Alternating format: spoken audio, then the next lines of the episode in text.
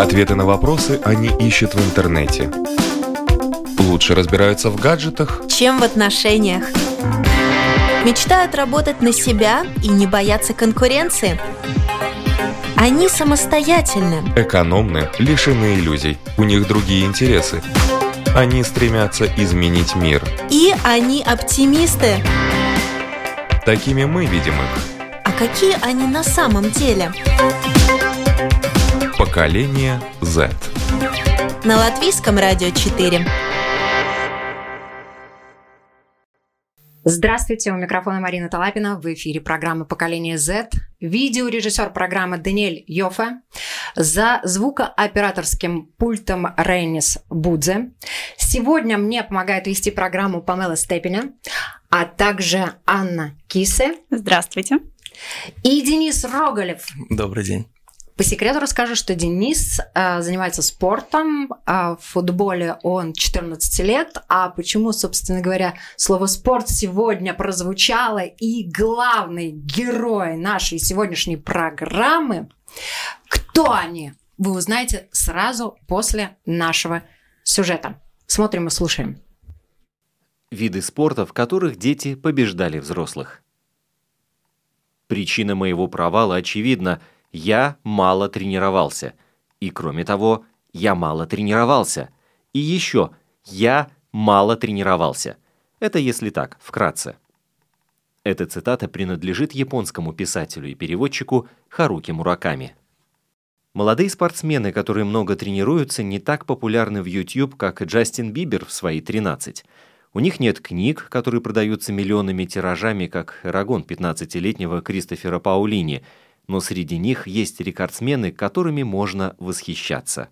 В этом году 15-летняя американская теннисистка Кори Гауф уже успела обыграть 39-летнюю Винус Уильямс на Australian Open. В прошлом году на чемпионате России по гольфу, где разница в возрасте между некоторыми участниками достигала 40 лет, победила 17-летняя Екатерина Малахова.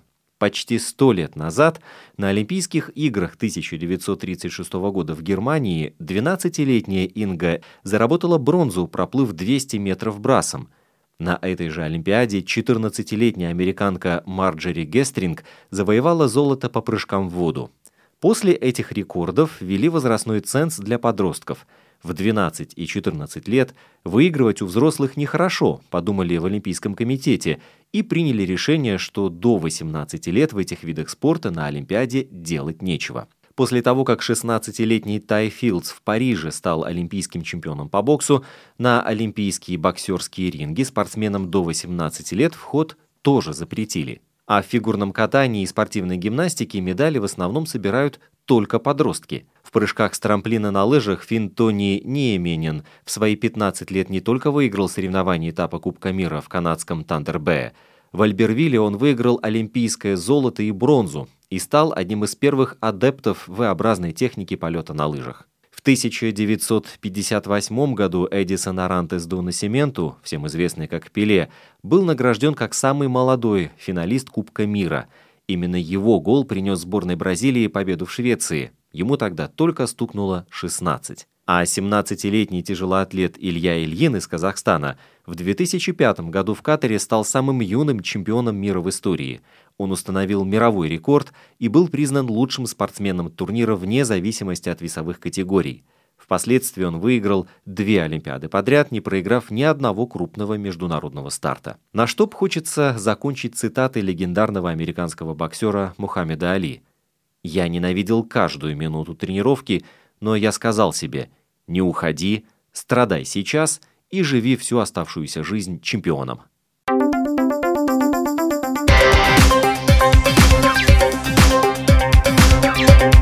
Поколение Z. Я напоминаю, вы смотрите и слушаете программу «Поколение Z», и можете нас видеть на таких ресурсах, как YouTube, Instagram, а также Facebook и, конечно, на нашем э, любимом сайте э, латвийского радио lr4.lv. И вот кульминационный период нашего начала. Я рада очень представить э, название нашей программы «Свой среди больших». Почему? Потому что у нас в гостях Ренат Кудинов – И Ренат, действующий чемпион Латвии 2019 года по комбинированной пирамиде. Это русский бильярд. А, я рада представить у нас также в гостях его папа Андрей Кудинов. Здравствуйте. Почему папа у нас в гостях, вы узнаете чуть позже. А то, что касается Рената, Ренат с 11 лет начал тренироваться в русский бильярд, играть и уже входит в десятку лучших игроков Балтийской лиги. Это не только три наших прибалтийских государства, Эстония, Литва и Латвия, это еще э, Россия, Республика Беларусь, Финляндия. И в прошлом году в соревнованиях приняли участие также представители Болгарии, Казахстана, Испании. В общей сложности 75 участников из 11 стран. Ренат также принимал участие в чемпионате мира 2019 года. И Ренат единственный юниор, который представляет Латвию, а может быть даже всю Балтию, в русском бильярде на международных турнирах. Спасибо огромное, что пришли. Спасибо вам, здравствуйте. Я, кстати, забыла сказать, у Рената, несмотря на то, что ему только 16 лет, уже есть свой ученик. Да. Которому сколько лет? На данный момент ему 11 лет. Его зовут Савелий. У него большой потенциал, мне кажется, что из него тоже получится очень хороший игрок. Ну, то есть через пару лет, глядишь, вы оба несовершеннолетних на турнирах а, можете завоевывать призы и прославлять имя Латвии. Да. Но для того, чтобы достичь таких результатов, естественно, а, нужно много тренироваться. Твой график жизни – ну, тренировки занимают достаточно много времени. Ну, во-первых, у меня, конечно же, идет учеба, это школа. Я учусь э, каждый день до 4 часов вечера. А тренировки перед большими турнирами занимают от 3 до 4-5 часов в день. Ну, это когда подготовка именно к большим соревнованиям. Не всегда получается столько времени уделять, но стараюсь находить. Без выходных? перед соревнованиями, да? Перед соревнованиями прям подряд, да, все дни. А если, например, э, я захочу заниматься бильярдом, мне как новичку сколько времени может потребоваться, чтобы научиться? Допустим, э, я вышел на первые, на, выехал на первые большие соревнования, когда мне было 12, ну, спустя год занятий. Я уже набрал уровень, чтобы э, ну, выступить и кого-то даже попытаться выиграть. Ренат, расскажи, пожалуйста, как происходят твои тренировки? Раньше я тренировался с тренером, даже с несколькими тренерами. У меня вот передам даже привет и пользуюсь возможностью. Любовь Парижер, моя первая, моя первая тренер. Я очень благодарен, она поставила мне основу, с ней занимался два года. Следующие полтора-два года занимался с легендой русского бильярда Латвии, это Марис Вартик. Вот. А на данный момент тренируюсь один, и это обычно тренировки шаров, каких-то стандартных базовых позиций и видение игры и сама игра.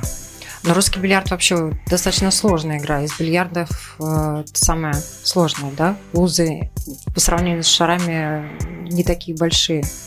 Ну, с этой точки зрения, да, этот э, вид бильярда самый сложный, потому что забить намного тяжелее, но и в пуле, и в снукере есть своя прелесть и свои особенности. Ну, почему люди в него играют. А почему русский бильярд? Э, ну, это такая семейная традиция уже.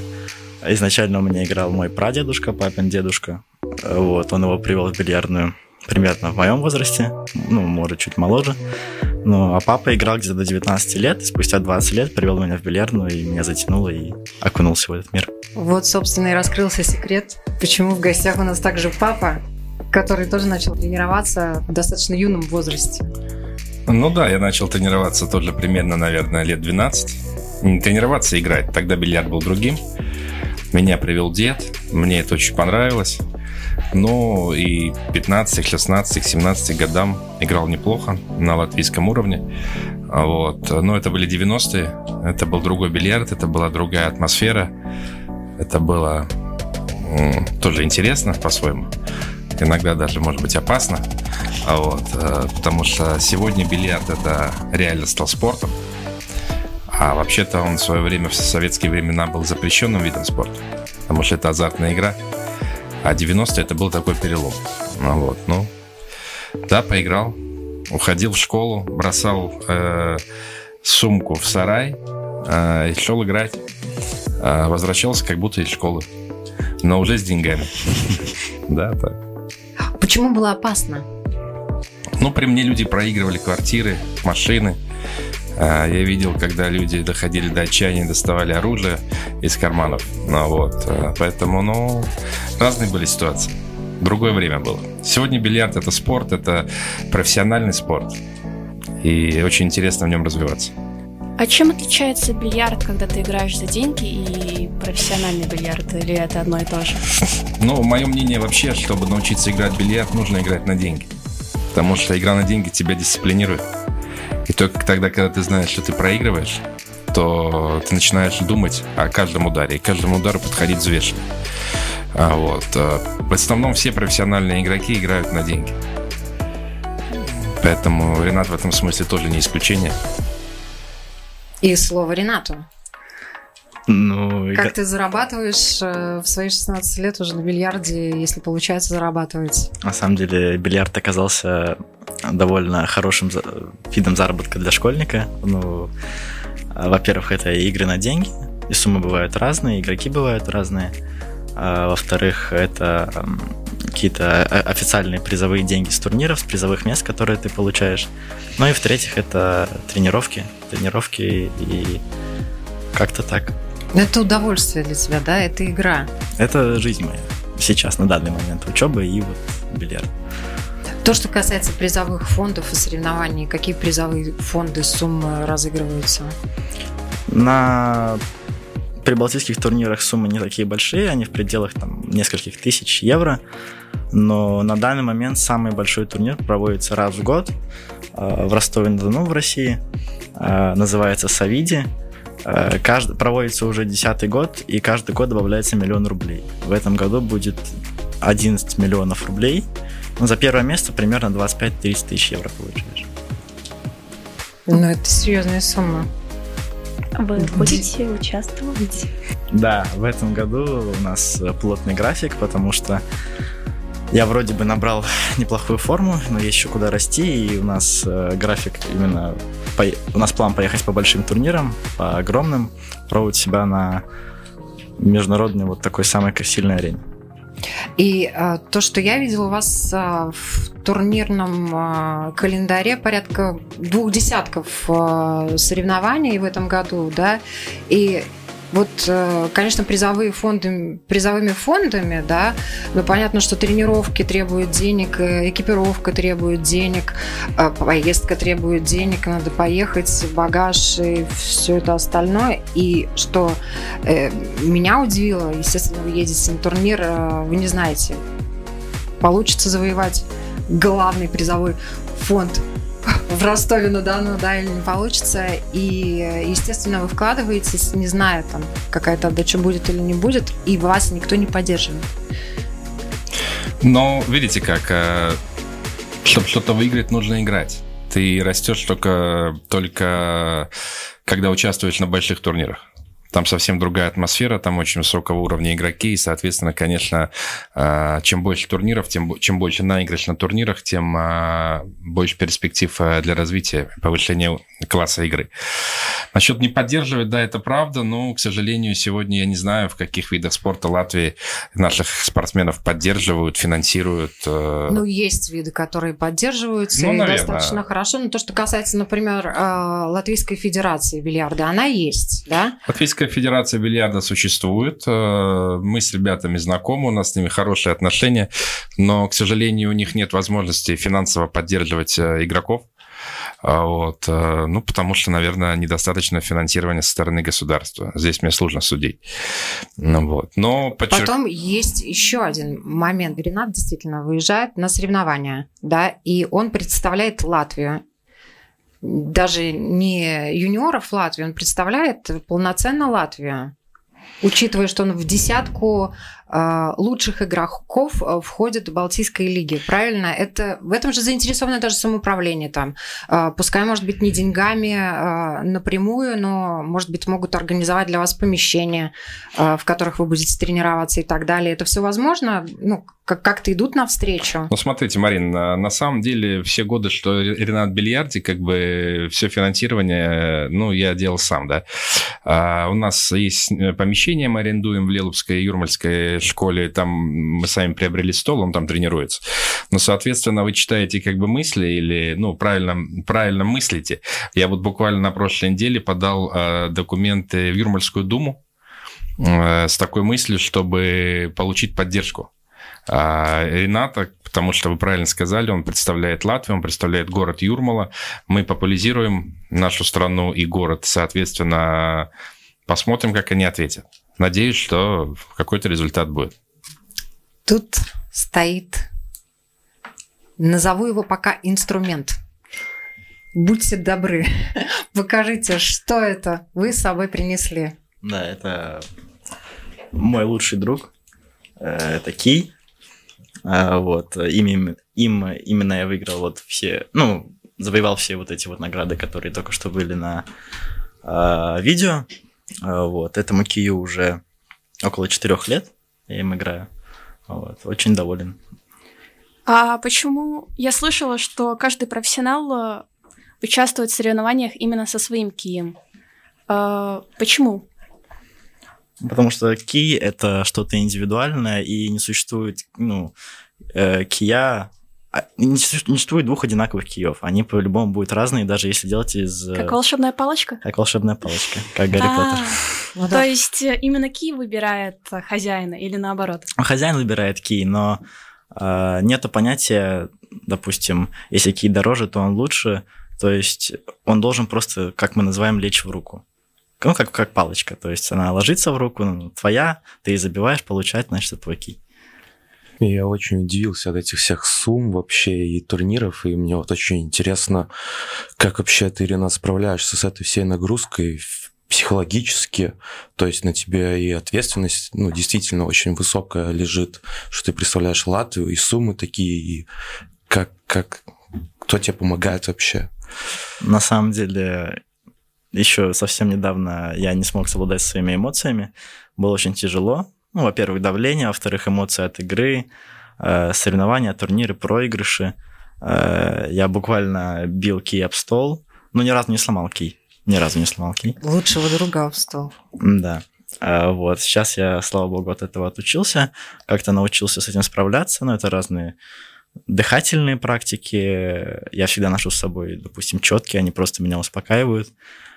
А давлением мне во многом помогает папа, который консультирует, который э, какие-то советы дает, наставления и успокаивает после неудачных встреч или моментов. Вообще сколько стоит вот лучший друг?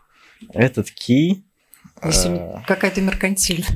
Этот ки мы брали за 650. 650 евро мы его взяли, но это хорошая цена. На самом деле он стоит подороже. Но нам здесь помог наш товарищ, это руководитель Федерации бильярда Литвы, владелец самого большого клуба в Литве, это наш хороший друг Константин Пчелин, привет ему. А, вот. Э, и удачи, потому что ему сейчас удача нужна очень сильно а, в одной ситуации по жизни. Вот. И он, Рената тоже помогает, поддерживает, подбадривает. И вот когда этот ки ему, э, к нему пришел, мы как раз были в Литве, дал Ренату ему попробовать, и Ренат говорит, пап, ну это просто э, космос. Ну вот так вот он с ним уже... Четыре года. Четыре года. Почему палочка стоит так дорого? Ну, вообще, это довольно средняя цена для кия, она считается нормальной. Я в своей жизни видел кий за 6 тысяч долларов, это был ну, самый дорогой кий, но... Там золотой стержень внутри. На самом деле он был, да, он был инкрустирован бриллиантами, серебром.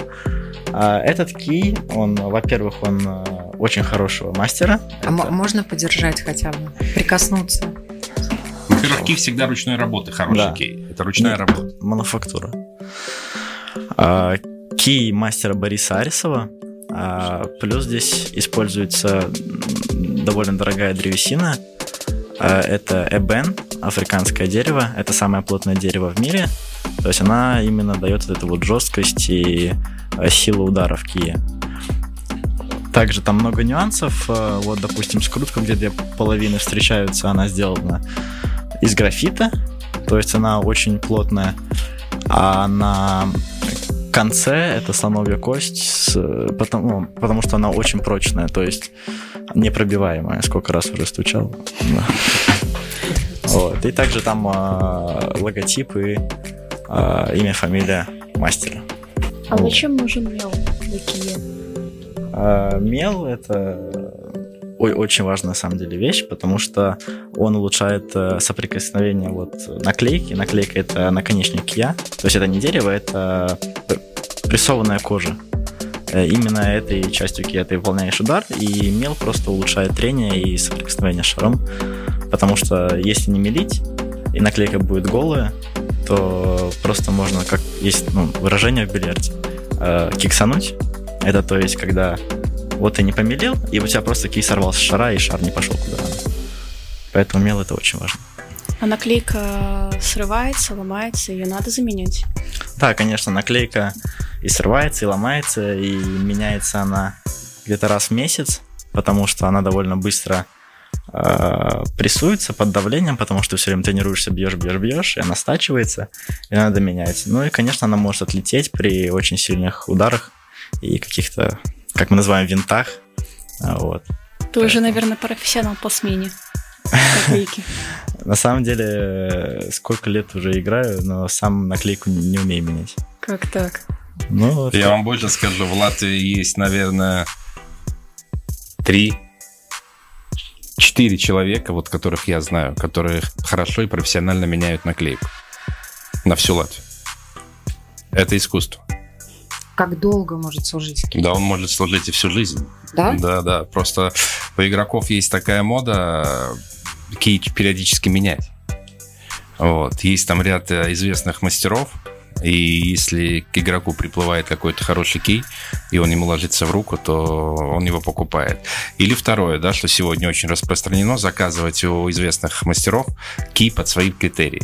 Что такое критерии? Это, во-первых, э, высота, это баланс, это вес. Вот когда сходятся эти, ну и понятно, виды дерева, из которого он делается. Когда эти критерии сходятся, конкретно под человека делается кей. Вот э, игрок обычно, который, ну, играет на нормальном уровне, он знает свои критерии.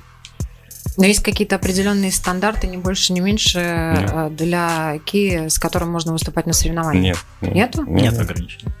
Кей может э, Каждый быть размером со, со стол, ну, длиной со стол? Ну, вам неудобно будет играть таким кием. Хотя есть специальные кии, когда ты не достаешь шара своим кием. Есть просто такой дополнительный инструмент, длинный кей, которым ты играешь и выполняешь один удар. А бывают спортсмены, которые покупают два кия, один тренировочный, другой ну, на выступление? Ну, это распространено больше не в русском бильярде, а в пуле потому что у них есть два кия, один, который более тяжелый и более плотный, они им разбивают пирамиду, потому что стол маленький, э, шары большие, им нужно, чтобы шары максимально разлетелись и при возможности залетели в лузы. Но в русском бильярде есть такие игроки, которые, допустим, играют одни шары одним кием, другие другим, но это не распространено. Это скорее среди любителей, а профессионалы всегда играют одним кием, чтобы э, привыкать. Э, а если играть несколькими киями, то будешь все время сбиваться с удара. Тебе нужна какая-то специальная одежда, чтобы играть? Или главное, чтобы было удобно? Uh, да, есть конкретный регламент под каждое соревнование, но он примерно везде одинаковый. Это классические темные туфли, классические брюки, uh, рубашка однотонная, жилетка. Ну и на больших соревнованиях это ну, обязательно бабочка. Но на прибалтийских соревнованиях, европейских, бабочка не обязательно. Вид но... спорта для джентльменов. Джентльмен. Ренат, расскажи, а как тебе удается совмещать э, такое увлечение со школой? Как относятся к тебе в школе, то, что ты спортсмен? На самом деле учителя очень положительно относятся, то есть когда пропускаешь по неделе э, в школе, э, спокойно дают и переписать, и доучить, и подготовиться, и доздать. А многие знают. Вот, недавно меня поймала зауч и сказала, нам нужна твоя фотография, твой слайд. А ты должен висеть на стенах школы. А, поэтому все очень положительно относятся и, и спокойно отпускают. Что ты мне этого не говорил?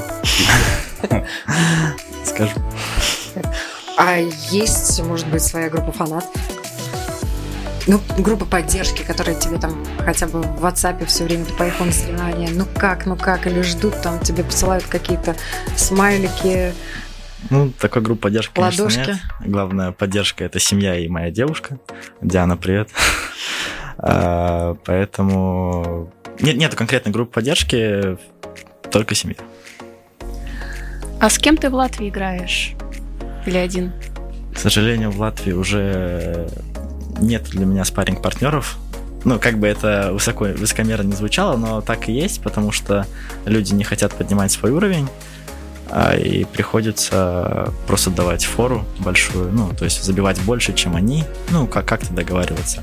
Вот. Э, у нас есть, есть еще один действующий сильный игрок, ему 25 лет, но, к сожалению, он моряк, поэтому он полгода здесь, полгода, полгода в море, и, ну, не получается постоянно спарринговать.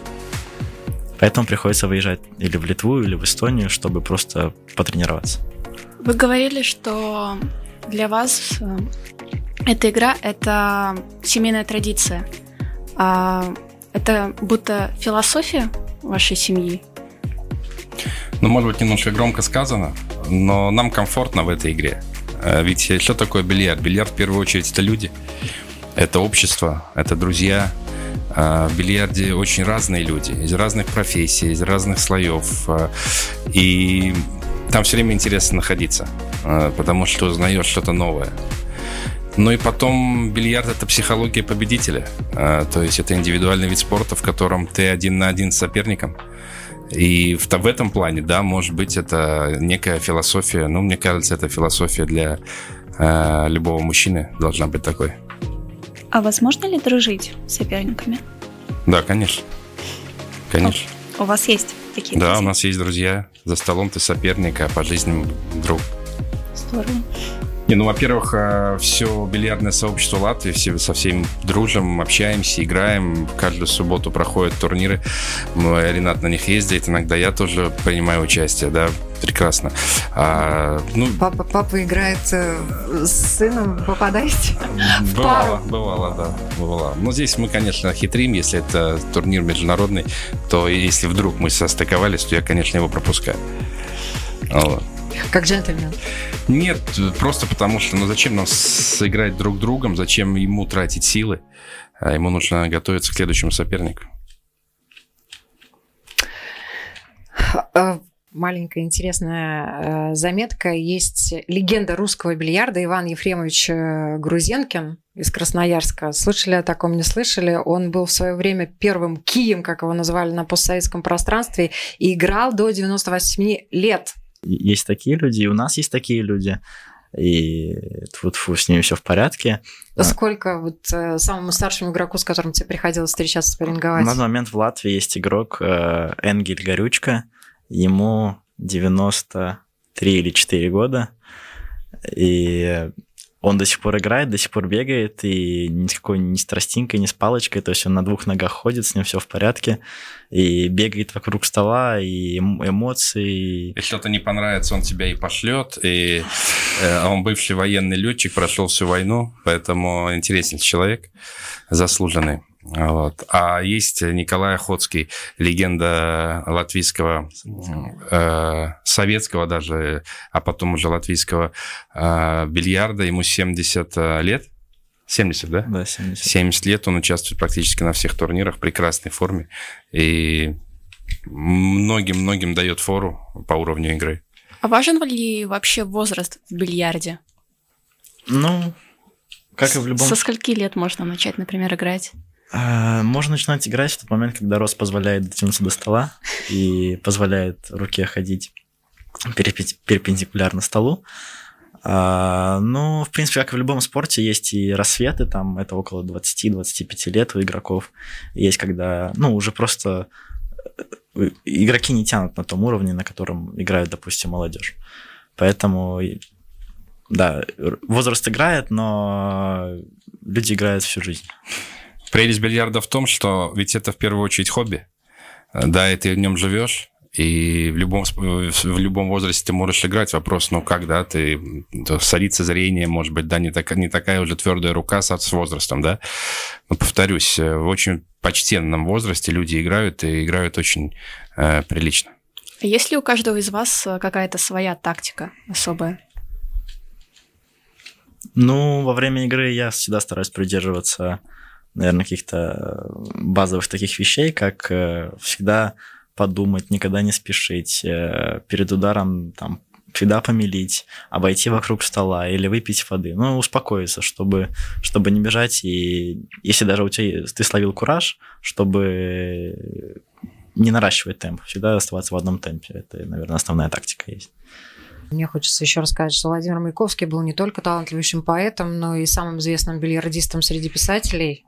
Вы, наверное, тоже это знаете, но радиослушатели, зрители, возможно, этого не знали. И а, также он был, вот, как я уже сказала, самым известным бильярдистом а, и слыл одним из сильнейших игроков в Москве. И поэтому не любил играть на интерес, но денежный выигрыш тоже не был для него самоцелью. А за бильярдным столом Маяковский нередко сводил счеты со своими литературными оппонентами и критиками, и проигравшим приходилось лезть под стол на четвереньках, хотя находились такие, из-за которых сам Маяковский тоже под стол бильярдный лес. У вас какие-то такие интересы бывают? Ну, я могу сказать за Рената. У нас а, вот где он тренируется, а, приезжал наш товарищ из Беларуси, один из очень сильных игроков, и проводил несколько дней у нас, давал мастер-класс, занимался с Ренатом. И вот чтобы его дисциплинировать, Рената, а, за ошибки или за проигрыш Ренат должен был пролезть под столом, да. А, то есть вдоль стола, под низом, на четвереньках. Ну и на четвереньках. На самом деле не хочется там пачкаться, поэтому все время приходится ползти в отжиманиях. То есть, ну, ты все время отжимаешься и ползешь, чтобы что, ну, коленями не касаться, потому что, ну, под столом очень грязно. Вот, поэтому руки забиваются и больше ползти не хочется. Денис. Мне вот интересно, получается, в этом виде спорта, вот бильярд, это как общее название, или там вот есть, получается, разные направления, вот снукер, пул, вот, э, как это вообще делится у вас, ну и вот название. И хотел бы еще узнать остальные вот эти вот виды, э, они как развлечения или тоже вы как-то тренируете это для себя? То есть, ну да, бильярд это э, такой, ну, как бы общее слово, это как группа, и в него входит и, как я говорил, русский бильярд, снукер и пул. Э, и они абсолютно по-разному развиты. Это три разные игры, и все из них на данный момент являются ну, спортом, являются спортом, каждый вид бильярда является спортом. Также и в русском бильярде есть э, две, три основные, основных вида игры, по которым проводятся и чемпионаты. Вот. Это комбинированная, свободная, динамичная пирамида. То есть везде вот есть спортивная составляющая. Где-нибудь э, вот это развлечение, развлечение, это если там какая-то игра на деньги или игра дружеская, то есть по всем играм проводятся спортивные и международные соревнования. Они хотели бы стать лучшими и в снукере, и в пуле, как бы везде, во всех этих направлениях. На самом деле, конечно, хочется, но это очень тяжело, потому что под каждый вид бильярда своя техника, свои особенности, свои нюансы.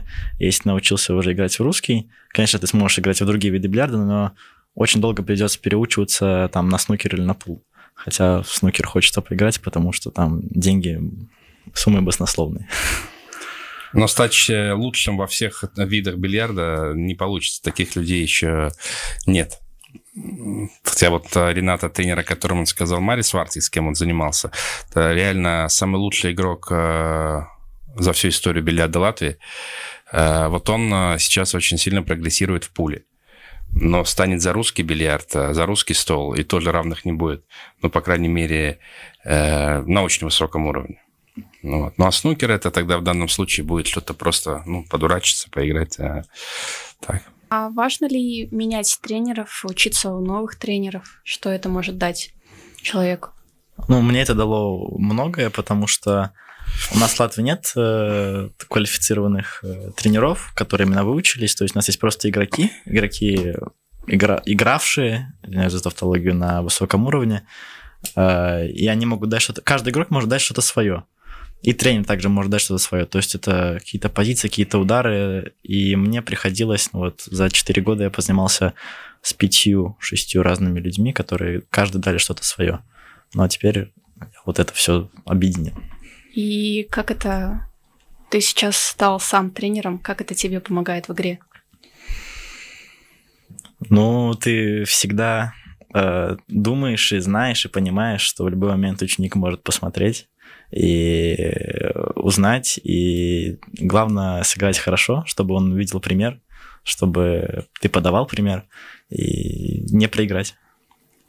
Я со, со стороны, извини, могу добавить, что он стал играть дис, более дисциплинированно с появлением, с появлением ученика. То есть более взвешенно подходит к ударам, потому что он знает, что есть тот, кто посмотрит, кто на него хочет равняться и так далее.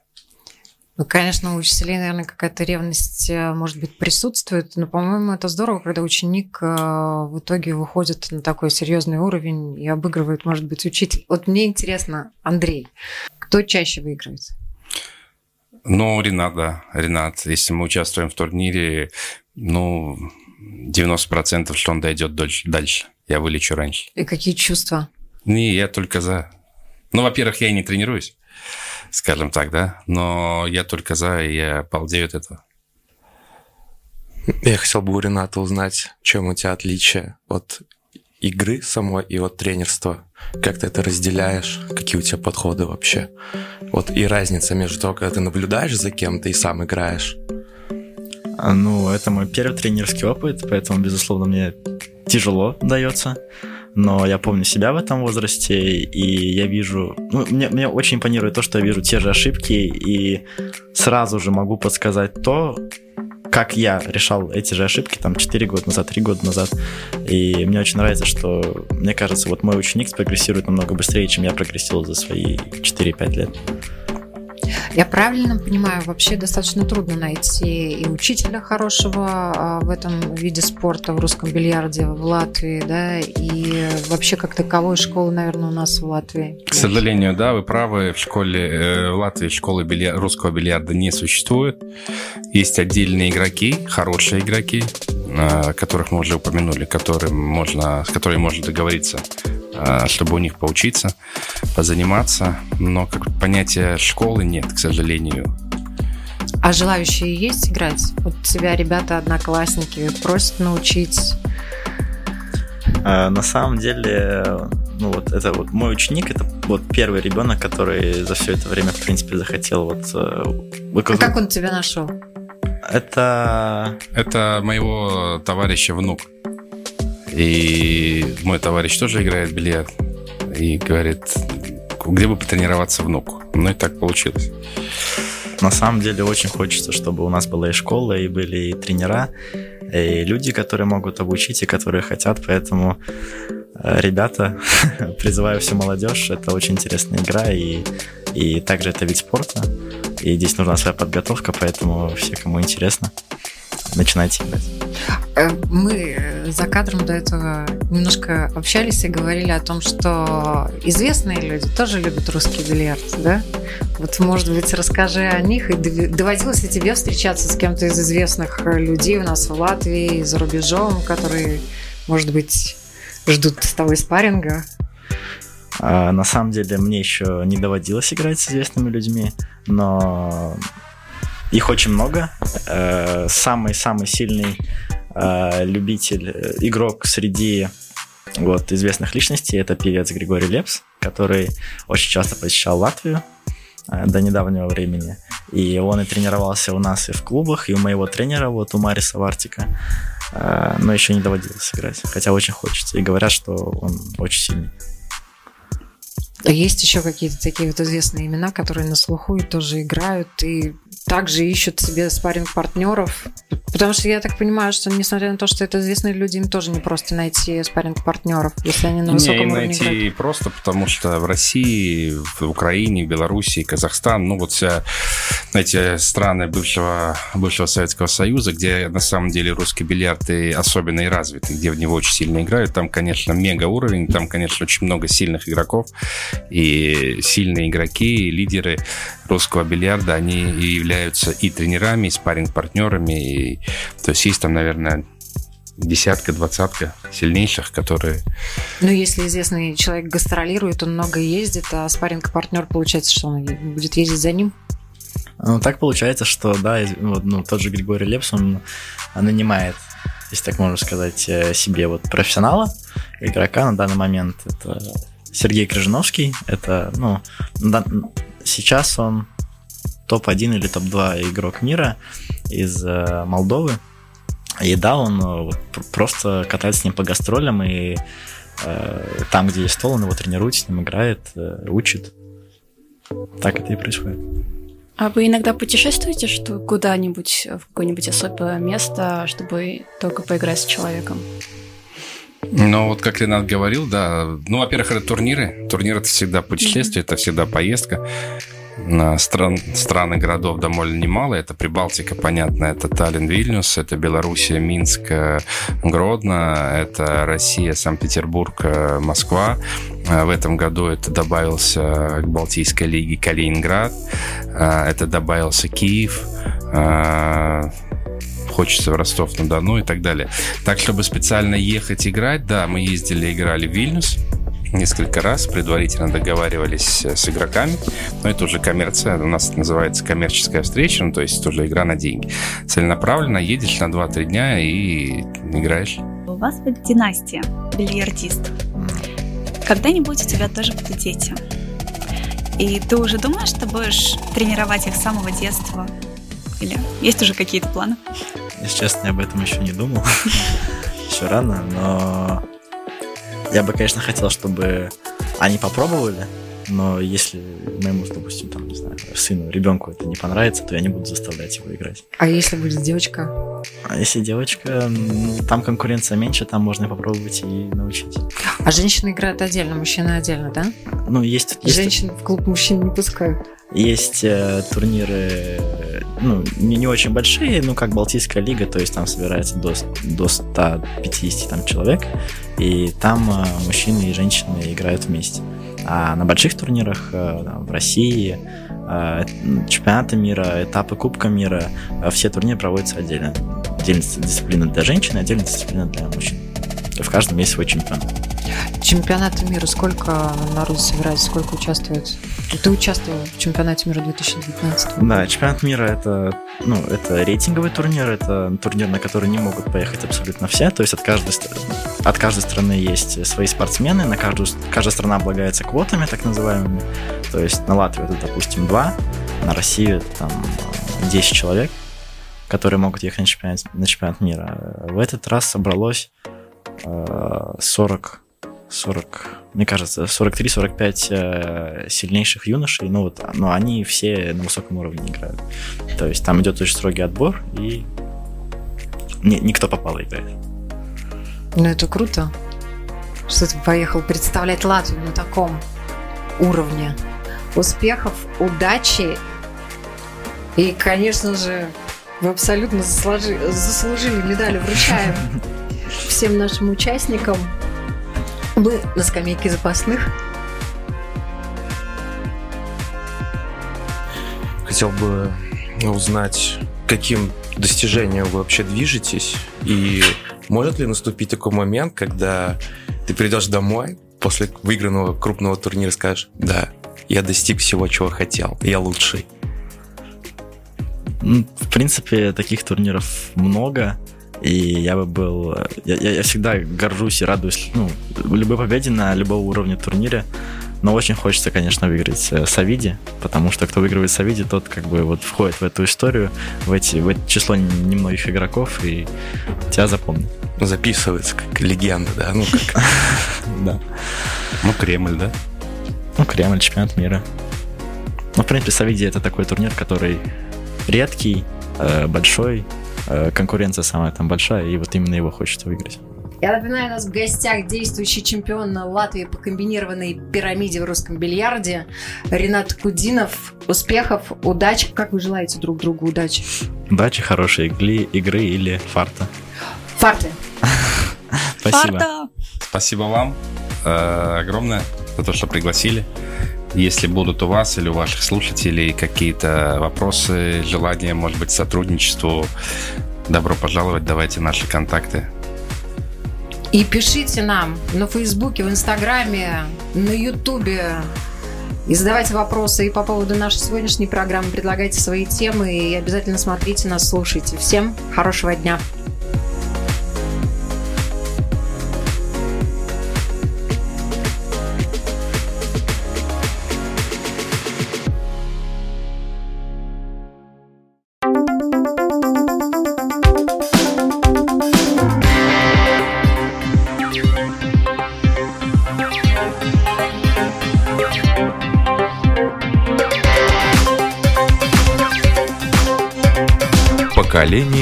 That.